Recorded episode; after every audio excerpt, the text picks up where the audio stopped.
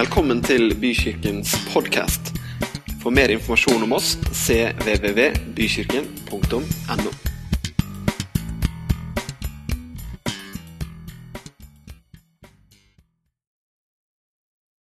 Jeg eh, fikk til formål at jeg skulle skrive en preken om eh, prekentale om medarbeidersamtalen med Gud. For hvor ofte gjør vi opp status med Gud? Og så er det jo sånn at Mange av oss kanskje er inne i en periode med medarbeidersamtaler på jobb. Eh, noen har det en gang i året, andre har det en gang i måneden. Noen har det kanskje litt mer sånn innimellom når det passer. Men poenget med sånne samtaler det er jo at man går gjennom arbeidsoppgavene, resultatene, prosessene, arbeidsprosesser, samarbeid med både overordnede og kollegaer, og vår egen personlige utvikling. Eh, så når, når Bent Ove spurte meg da, om jeg ville ha tale i dag, så hadde jeg allerede bestemt meg for at jeg skulle lage en tale om dette temaet. Etter at vi hadde hatt en live-gruppesamling hvor dette kom opp. Um, så da svarte jeg ja med en gang. Ja. Så er da spørsmålet hvordan ville din samtale med Gud vært? Ville du hatt den en gang i året? En gang i måneden? Eller hver dag? For hvor ofte gjør vi egentlig opp status med Gud? Og hva lar vi en sånn status inneholde? For Gud er sjefen, og vi er medarbeiderne hans. Ansatt i hans familiebedrift, kanskje? Og oppdraget vårt det er ganske klart. Vi skal elske vår Gud og vår neste. Og vi skal gå ut og gjøre alle folkeslag til disipler.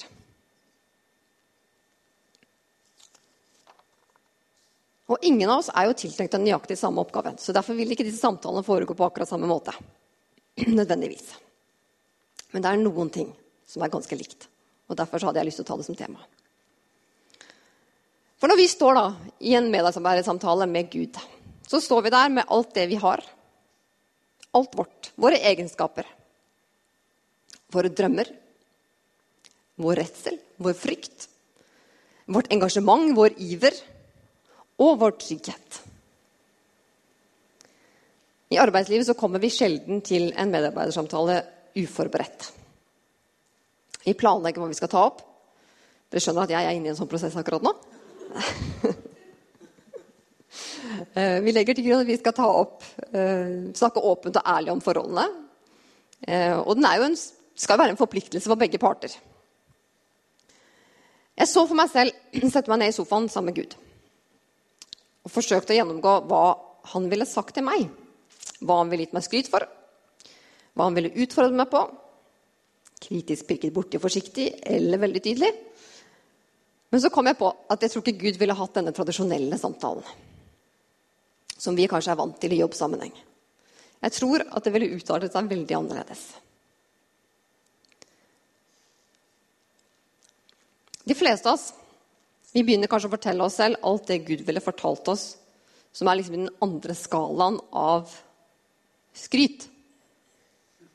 Vi er ikke skrudd sammen til å tenke liksom det mest positive skryter først. Vi er ganske gode på å se på oss selv med et kritisk blikk. Fiksert på alt det vi ikke fikk til, men som vi kanskje hadde et inderlig ønske om at skulle bli virkelighet.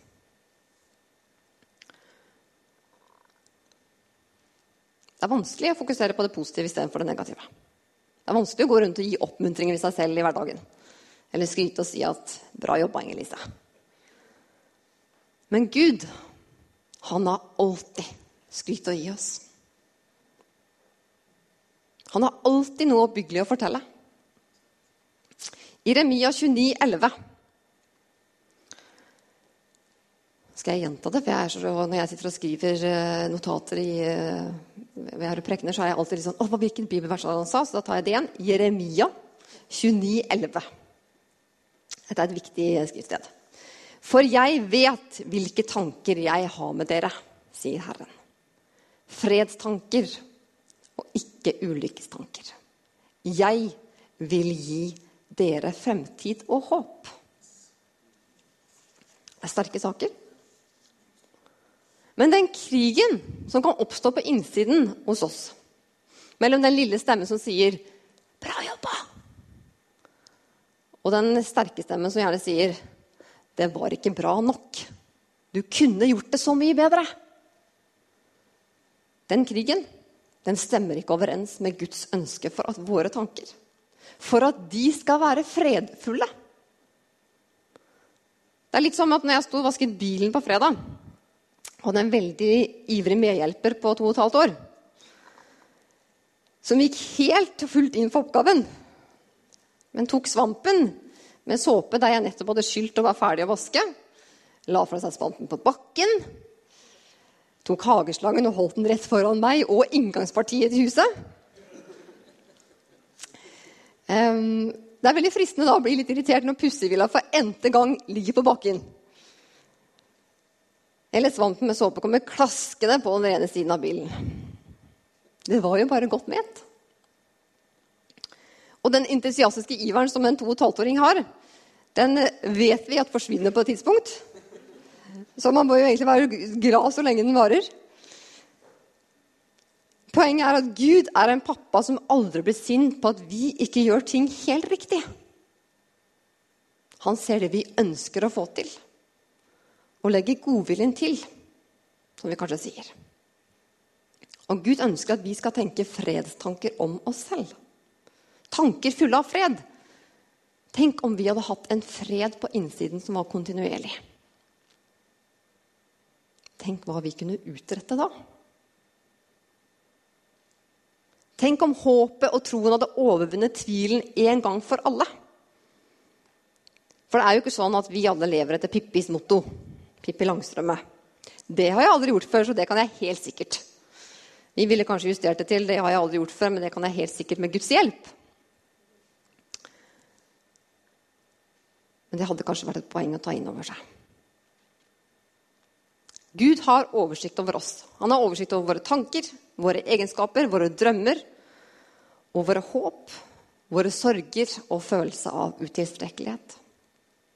Han ikke bare kjenner oss, han virkelig kjenner oss. Han vet alt.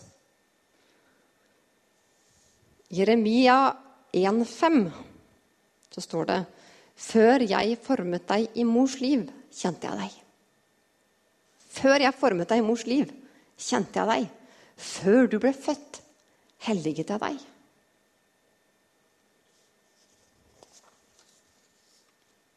Ingen av oss er en i mengden som Gud tar seg tid til å se til sånn innimellom. Gud er ikke i den kategorien som jeg stikker innom på kaffe, og så skjer det kanskje ikke på et år eller to. Gud er der alltid. Han har alltid tid til å ta medarbeider-peptalken, som kanskje er et bedre, begrep for medarbeidersamtalen med Gud. Alltid tid. Og så er det da litt sånn målet med en medarbeidersamtale. Det handler mye om å utmeisle nye mål, skape tillit og prioriteringer. Hvordan skal vi utvikle oss videre som mennesker? og i vår rolle. Og det er ofte en samtale som, som viser liksom, vår sjefs forventninger til oss videre den neste kommende tiden. Så hva ville Gud møtt oss med? Jeg så meg selv komme inn i et rom fylt med fred og stillhet. En sånn atmosfære som man ikke kan beskrive annet enn at skuldrene senkes uten at du tenker over det. Jeg så for meg to stoler. En til Gud og en til meg. Ingen ark eller svar på personlighetstester på en PC. Ingen regnskap og budsjetter som forteller hva du har bidratt med det siste året. Bare oss to. Og så forestilte jeg meg at det første spørsmålet som ville bli stilt, var Hvordan har du det? For Gud er oppriktig opptatt av hvordan vi har det. Store deler av Bibelen er nettopp en rekke oppmuntringer for at vi skal ha det bra. Stadige gjentagelser, ulike måter å vise sin kjærlighet på. Fordi vi er så forskjellige som mennesker. Kanskje. Men også fordi vi trenger å invitere seg hvor høyt Gud elsker oss. I Salme 17,8 så er det et veldig fint bibelvers. Vokt meg som din øyensten. Skjul meg i skyggen av dine vinger. Vokt meg som din øyensten. Jeg husker jeg leste om det bibelverset der. hvor Det liksom fikk en betydning for meg. Jeg leste om det i en bok av Joyce Mayer. Og Jeg blir stadig minnet om dette bibelverset når jeg er og handler mat på butikken i fruktdisken. Eh, for Joyce Meyer hun brukte et eh, bilde av at hun sto i butikken og eh, da skulle ha epler. Og I USA så er jo disse butikkene de grønnsaksdiskene ekstremt store, så der kan vi si at kanskje det, det lille podiet her det er bare epler. Og det er liksom da sånn skrått oppover, så det er høyt. Og Hun skrev da i denne boken om at hun var på jakt etter det fineste eplet. Alle er jo det. ikke sant? Vi liksom saumfarer og ser, og vi løfter. Og nei, da var det ikke så fint. Da tar vi et nytt. Um, dere ser dere, dere er sikkert flere, det er flere enn meg som driver og tester ute. Ja, håper det. Um, poenget er i hvert fall at jeg ser for meg, da jeg så for meg, og ser fortsatt for meg Jaus Meyer eh, liksom strekke seg liksom høyt opp og bare legger seg liksom over alle disse eplene for å finne det perfekte eplet som du ser liksom ligge høyt der oppe. Glinsende og rødt eller grønt ut fra hva slags favoritteple du har. Um, på jakt etter det perfekte eplet. For å bare skjønne, for at folk skjønner hvorfor jeg snakker om epler her. Eh, I, um, I, den engelske utgaven så er det da 'Keep me as the apple of your eye'. Um, og uansett så handler det jo om at vi er dyrebare for Gud. Og han beskytter oss som et øye. Et øye er sårbart på skaper, skader. Og det krever ekstra beskyttelse. Det er derfor vi har disse øyevippene våre òg. Det handler ikke bare om at vi ser pene ut. Eh, det er, har en effekt. Men Gud behandler oss som sin øyensten. Og det forteller hvor dyrebare vi er for Gud. Så når jeg går og handler epler, så tenker jeg på det. Hvor dyrebar jeg er for Gud. var det poenget mitt. Jeg er ikke sikker dere så den heldige starten. Kan dere tenke på neste gang dere skal kjøpe epler. Men så sitter jeg der, der i denne stolen sammen med Gud. Og da er det i den trygge armekroken. Det er en samtale der beskyttelsen står sterkt. Og jeg så for meg at alt det jeg hadde planlagt av forsvarstaler og forklaringer hvorfor ikke, hvorfor ikke det ble som det hadde, man ventet det skulle bli, Um, og pekefingeren kanskje litt tilbake på at jeg ikke hadde fått et tydelig nok oppdrag. Det ville liksom bli litt sånn uvesentlig. Kanskje ville jeg gråte over alt det som ikke ble som jeg hadde tenkt. Kanskje ville jeg trekke et lettelsens sukk og smile forsiktig for å motta velsignelsen. Men aller mest trolig så ville jeg blitt helt målløs. Ute av stand til å si noe som helst. Fordi hans godhet, hans oppmuntring, det ville vært i overkant mye.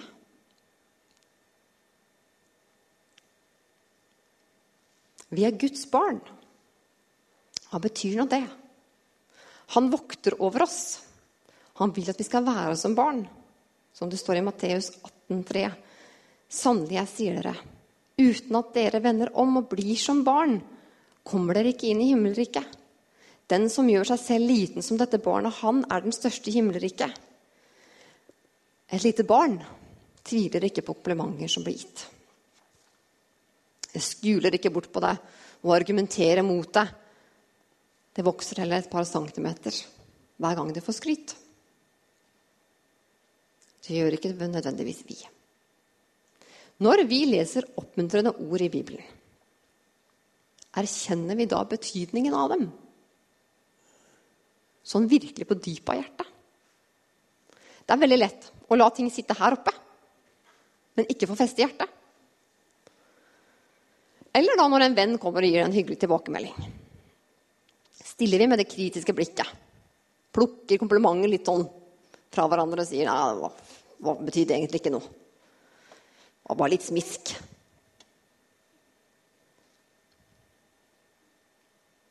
Du er perfekt i Guds øyne i hans rettferdige blikk. I 1. Korinterne 5,17 så står det Nei, den som er i Kristus, er en ny skapning. Det gamle er borte, se det nye er blitt til. Det er jo egentlig helt utrolig. Men det er sant. Virkelig sant. Og Gud fordømmer oss ikke. Det er ingen fordømmelse for dem som er i Kristus Jesus. Han kommer ikke med pekefingeren på mislykketheter og legger frem listen over alt det vi ikke fikk til. Han ser oss for det vi har fått til. Og utfordrer oss snarere ved neste korsvei. Ved neste mulighet.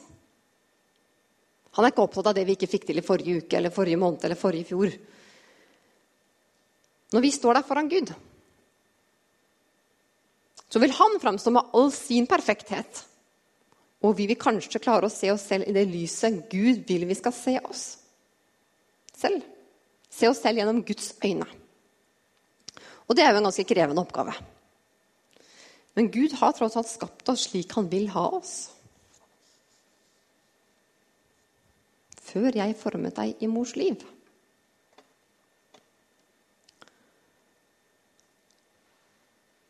Gud har også skapt oss å leve et liv i evig fornyelse. Den som drikker av det vannet jeg vil gi, skal aldri mer tørste. For det vannet jeg vil gi, blir i ham en kilde med vann som veller fram og gir evig liv. I en sånn medarbeider-peptalk så ville Gud minnet oss på at vi kan hente påfyll hos Han hele tiden.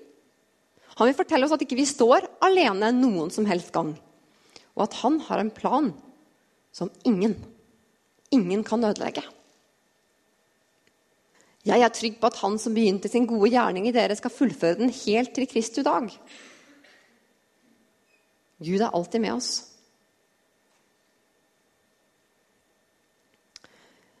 Se hvor stor kjærlighet far har vist oss. Vi får kalles Guds barn. Ja, vi er det. Verden kjenner oss ikke fordi den ikke kjenner ham. Mine kjære, nå er vi Guds barn, og det er ennå ikke åpenbart hva vi skal bli. Men vi vet at når Han åpenbarer seg, skal vi bli lik ham, for vi skal se ham som han er. Enhver som har dette håp til ham, renser seg slik Kristus er ren. Guds barn, rene og rettferdig, himmelen verdig, som det er en eller annen sang, tror jeg. Gud vil aldri ta oss for at vi prøver og feiler. Men poenget er uansett at vi er ikke satt til å fullføre noe oppdrag alene.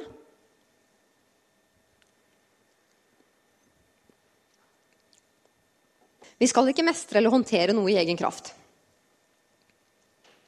Vi kan stole helt og fullt på at Gud går sammen med oss. Ha, det har vært et tema i mange eh, gudstjenester denne våren at vi kan stole fullt og helt på Guds og han, Gud og hans kraft. Men Gud være takk som gir oss seier ved vår Herre Jesus Kristus. Derfor, mine kjære søsken, stå fast og urokkelig, arbeid raust og rikelig for Herren. For dere vet at i Herren er ikke deres strev forgjeves.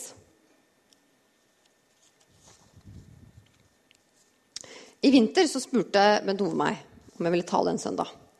Det var litt kort varsel, fordi den som skulle tale, hadde blitt syk. Jeg fikk denne meldingen mens jeg satt på kontoret. Og jeg skrev sikkert ti forskjellige svar. Dette vet ikke med noe. Jeg tastet inn alt fra 'ja' med store bokstaver, utropstegn, til 'beklager'. Og så hadde jeg mange lange forklaringer. Det endte med et ganske kort svar om at jeg ikke klarte å få det til akkurat da. Men jeg kan si at den halvtimen som jeg vurderte da å bestemme meg, den var ganske som berg-og-dal-bane. Ehm, jeg hadde så lyst. Og så sendte jeg selvfølgelig en kjapp bønn opp og sa hvis du vil at jeg skal gjøre dette nå, så må du gi meg et budskap. Et poeng, et tema, her og nå. Um, jeg var kanskje mest opptatt av å finne den gode forklaringen for meg selv på hvorfor jeg ikke kunne klare å gjøre det. Så jeg svarte nei. Dagen etter så var jeg på joggetur på stranden.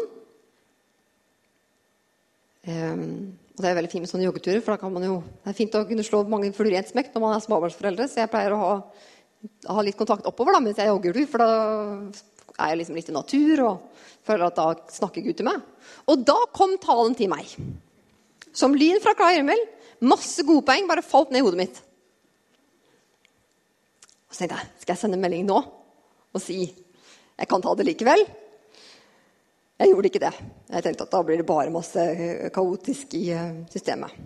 Men uansett så var det litt sånn, min erkjennelse i dette var at jeg ikke klarte å stole på at Gud hadde en plan. Jeg kunne ikke stole på at siden jeg fikk spørsmålet, så var det sikkert en mening med at jeg ble spurt. Og at jeg kunne tenke at den, det budskapet Gud har, har, til forsamlingen den dagen, det kommer til å komme likevel. Jeg klarte ikke det. Det var egentlig opp til meg å stole på Gud, men jeg forsøkte å gjøre det i egen kraft. Men vi er ikke overlatt til oss selv. For noen år tilbake så leste jeg en bok av Bruce Wilkinson som heter 'Jabes bønn'. Vi ba den fast hver dag. Veldig lenge, faktisk. Men så er det da noen vaner det gjerne vi helst burde holde på. Eh, som er lett å la bli mindre viktige og dermed glemme. Den lille bønnen til Jabe den er enkel, men samtidig veldig kraftfull, og den er tydelig. Den skriver klart og tydelig hva du vil, og den har en kraft i seg til å forandre. Krønikerne 4.10 så står det Jabes påkalte Israels Gud og sa Og om du ville velsigne meg, utvide grensene mine og støtte meg med din hånd, befri meg fra ulykke og bevare meg fra smerte. Og Gud lot ham få det han hadde bedt om. Før og etter denne historien om Jabes er det mange navn som ikke er, er det verdt å nevnes noe mer, antagelig. Um, men dette blir stående veldig tydelig. Gud gir oss den kraften vi ber om. Han gir oss den ledelsen, og han gir oss de, de mulighetene som vi ber om. Og Vi har jo som sagt et klart oppdrag. Men når det oppdraget er gitt, hva står det da? Gå derfor og gjør alle folkeslag til disipler. Døp dem til Faderens og Sønnens og Den hellige ånds navn, og lær dem å holde det jeg har befalt dere. Og se, jeg er med dere alle dager inntil verdens ende. Vi er ikke satt til å gjøre oppdraget uten hjelp.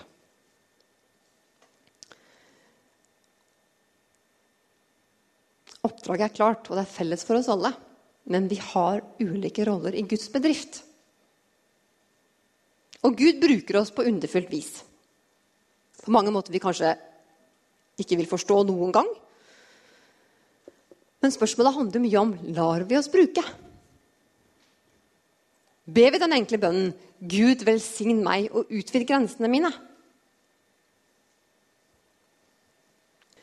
Det er noen bibelvers som eh, jeg har pugget for meg selv, og som jeg gjentar eh, når livet kanskje er litt vanskelig. Jeg gjør det på engelsk, da, men jeg skal ikke ta de på engelsk her. Men det er ordspråkene 3, 5-8. Egentlig så er det hele, hele den der nummer tre, men jeg tar bare en liten del. Stol på Herren av hele ditt hjerte. Støtt deg ikke til din egen innsikt. Tenk på ham. Hvor du enn ferdes, så gjør han stiene dine jevne. Vær ikke vis i egne øyne. Frykt Herren og vend deg bort fra det onde. Det blir til helse for kroppen, en styrkedrikk for marg og bein. Gud er opptatt av å se framover, ikke bakover. Han utfordrer oss til å se det vi kan få til, med hans hjelp. Mens jeg sto og vasket bilen på fredag sammen med Naomi, så kom jeg til å tenke på en scene i uh, en av mine favoritt-TV-serier. Friends. Det var en sitcom som slo gjennom på slutten av forrige årtusen og begynnelsen av dette. Eh, som tok mange av oss med storm. Sikkert veldig mange forskjellige forhold til denne serien. her, eh, Men jeg skal fortelle om en scene som jeg kom på. Jeg er fortsatt der jeg kan se en episode eller to og bli veldig oppmuntra etter en eh, slitsom dag. Både av humoren, men også av de ganske unike vennskapsbåndene som er mellom disse folka. Og selv om jeg kan sitatene, så er det fortsatt like moro. Eh, men jeg kom uansett til å tenke på en spesiell episode. Og det er eh, når denne, denne fyren i, eh, i serien som er veldig glad i damer. Han oppdager at noen har glemt igjen bilnøklene til en Porsche på stamkafeen deres. Og denne Porschen står parkert utenfor. Han tar med seg nøklene og går ut for å se om kanskje eieren er i nærheten. Og leter etter nøklene. Så står han der med nøkkelen i hånden, da. Og så kommer det noen damer forbi som tror da at denne bilen er hans. Um, og de blir jo selvfølgelig veldig imponert, så han skjønner jo at dette her er jo en damemagnet. Og det syns han jo da er fint. Um, og han spiller jo da selvfølgelig med, da, for det er jo litt av poenget her. Og Så kommer jo da eieren etter hvert og tar med seg nøklene og blir kanskje litt irritert på denne fyren som prøver å snakke med han om at han kan parkere der oftere og at han kan passe på bilen hans og sånn. Eh, så han bare kjører av gårde. Dagen etterpå så har denne personen som heter Joey, han har kjøpt seg en sånn fantastisk silkejoggedress med Porsche-logo og sånn. En caps, eh, nøkler selvfølgelig, en nøkkelring og sånn. Og så har han eh, sånn, sånn, eh, sånn, magetaske med Porsche-logo. Um, sikkert sko ja. Eh, hans venn spør om en Porsche har kastet opp på han, for han syns han ser så fæl ut. Uh, men så har han også kjøpt seg et biltrekk med Porsche-logo. Så han plasserer masse pappesker på gaten, og legger dette biltrekket over og tusler liksom fram og tilbake og venter på at det skal komme noen fine damer. Um, og når damene kommer forbi, så sier han at han har lagt denne bilen for å sove. Så de kan ikke få se, se henne akkurat nå. Og så ender det selvfølgelig med at han står og krangler med noen, og så blir han dytta på bilen sin, og da fyker disse pappeskene til alle kanter. Um, og så lurer dere på hvor i verden skal hun nå? Men for meg da, så ble denne historien um, et bilde på at vi ikke lett kan leve med forestillingen om at vi har noe, men ikke faktisk lever som om vi har det. Guds velsignelse. Guds fred, Guds kraft, Guds styrke. Vi har det, men vi må også leve som om vi har det. Og I en medarbeidersamtale så kommer man jo veldig sjelden utenom temaet ressurser. Har du ressurser nok? Har du mulighet til å få gjort det du skal? Og hva er det Gud har gitt oss, og hva vil Gud gi oss hver dag? Hvis vi bare tar imot. I Jesaja 43, 43,1 så står det Så sier Herren, som skapte deg, Jakob, som formet deg, Israel, vær ikke redd, jeg har løst deg ut. Jeg har kalt deg ved navn. Du er min. Går du gjennom vann, er jeg med deg. Gjennom elver skal de ikke flomme over deg. Går du gjennom ild, skal du ikke svi deg, og flammen skal ikke brenne deg. For jeg er Herren din Gud, Israels hellige, som frelser deg. Jeg gir Egypt som løsepenger for deg, kurs og seba i stedet for deg. For du er dyrebar i mine øyne, høyt aktet, og jeg elsker deg. Når vi snakker om å stole på Gud Vi kan jo lett jakte på tegn. Jeg ville ha det budskapet veldig tydelig kommende ned til meg når jeg skulle ha en, ha en tale. Um, jeg leste en historie om en om en mann som hadde vært kristen.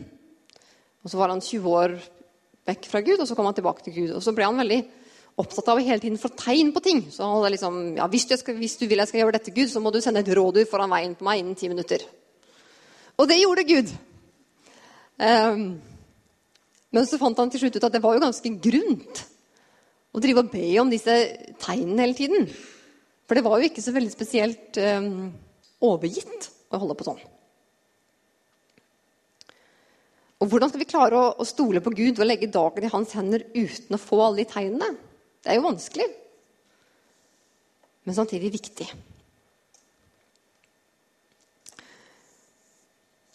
Når man har hatt en sånn samtale, så gjør man kanskje noen felles avtale om hva skal være viktig nå den neste perioden.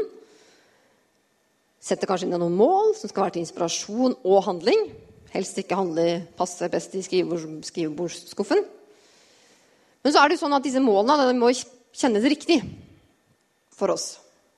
Målene skal stå i stil med det vi kjenner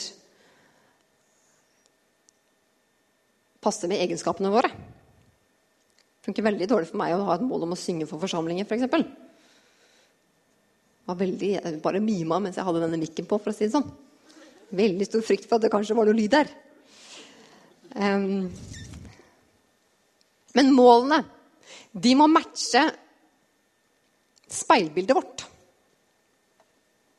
Men så er det ikke sikkert at speilbildet vårt er veldig korrekt. Jeg vet ikke om noen av dere har sett bilde av eh, en katt som ser seg i speilet, og som ser speilbildet av en løve. For de fleste av oss er det kanskje sånn at vi heller ville sett en mus enn en løve. Men Gud ser oss slik vi kan være. Men elsker oss slik vi er. Og det er ganske mye hvile i akkurat det. Han vet hva vi kan få til med hans hjelp. Han vet hva vi er gode for. Men uansett hva han vet, så elsker han oss like mye her og nå for alt det vi har fått til. Det er vanskelig for oss selv å se oss inn i framtiden. I morgen. Det er mye lettere å vurdere seg selv basert på det som har vært. Men Gud tror jeg først og fremst ser oss for det som kommer til å komme. Alt det som ligger av muligheter der foran oss. Han ser et potensial som verken vi eller andre ser. Det er bare Gud som ser det, og som vet om det. Men Gud legger jo de tankene ned i oss. Han legger de drømmene ned i oss. Og det betyr jo på mange måter at egentlig så vet vi det, vi òg. Vi vil bare kanskje ikke helt erkjenne det.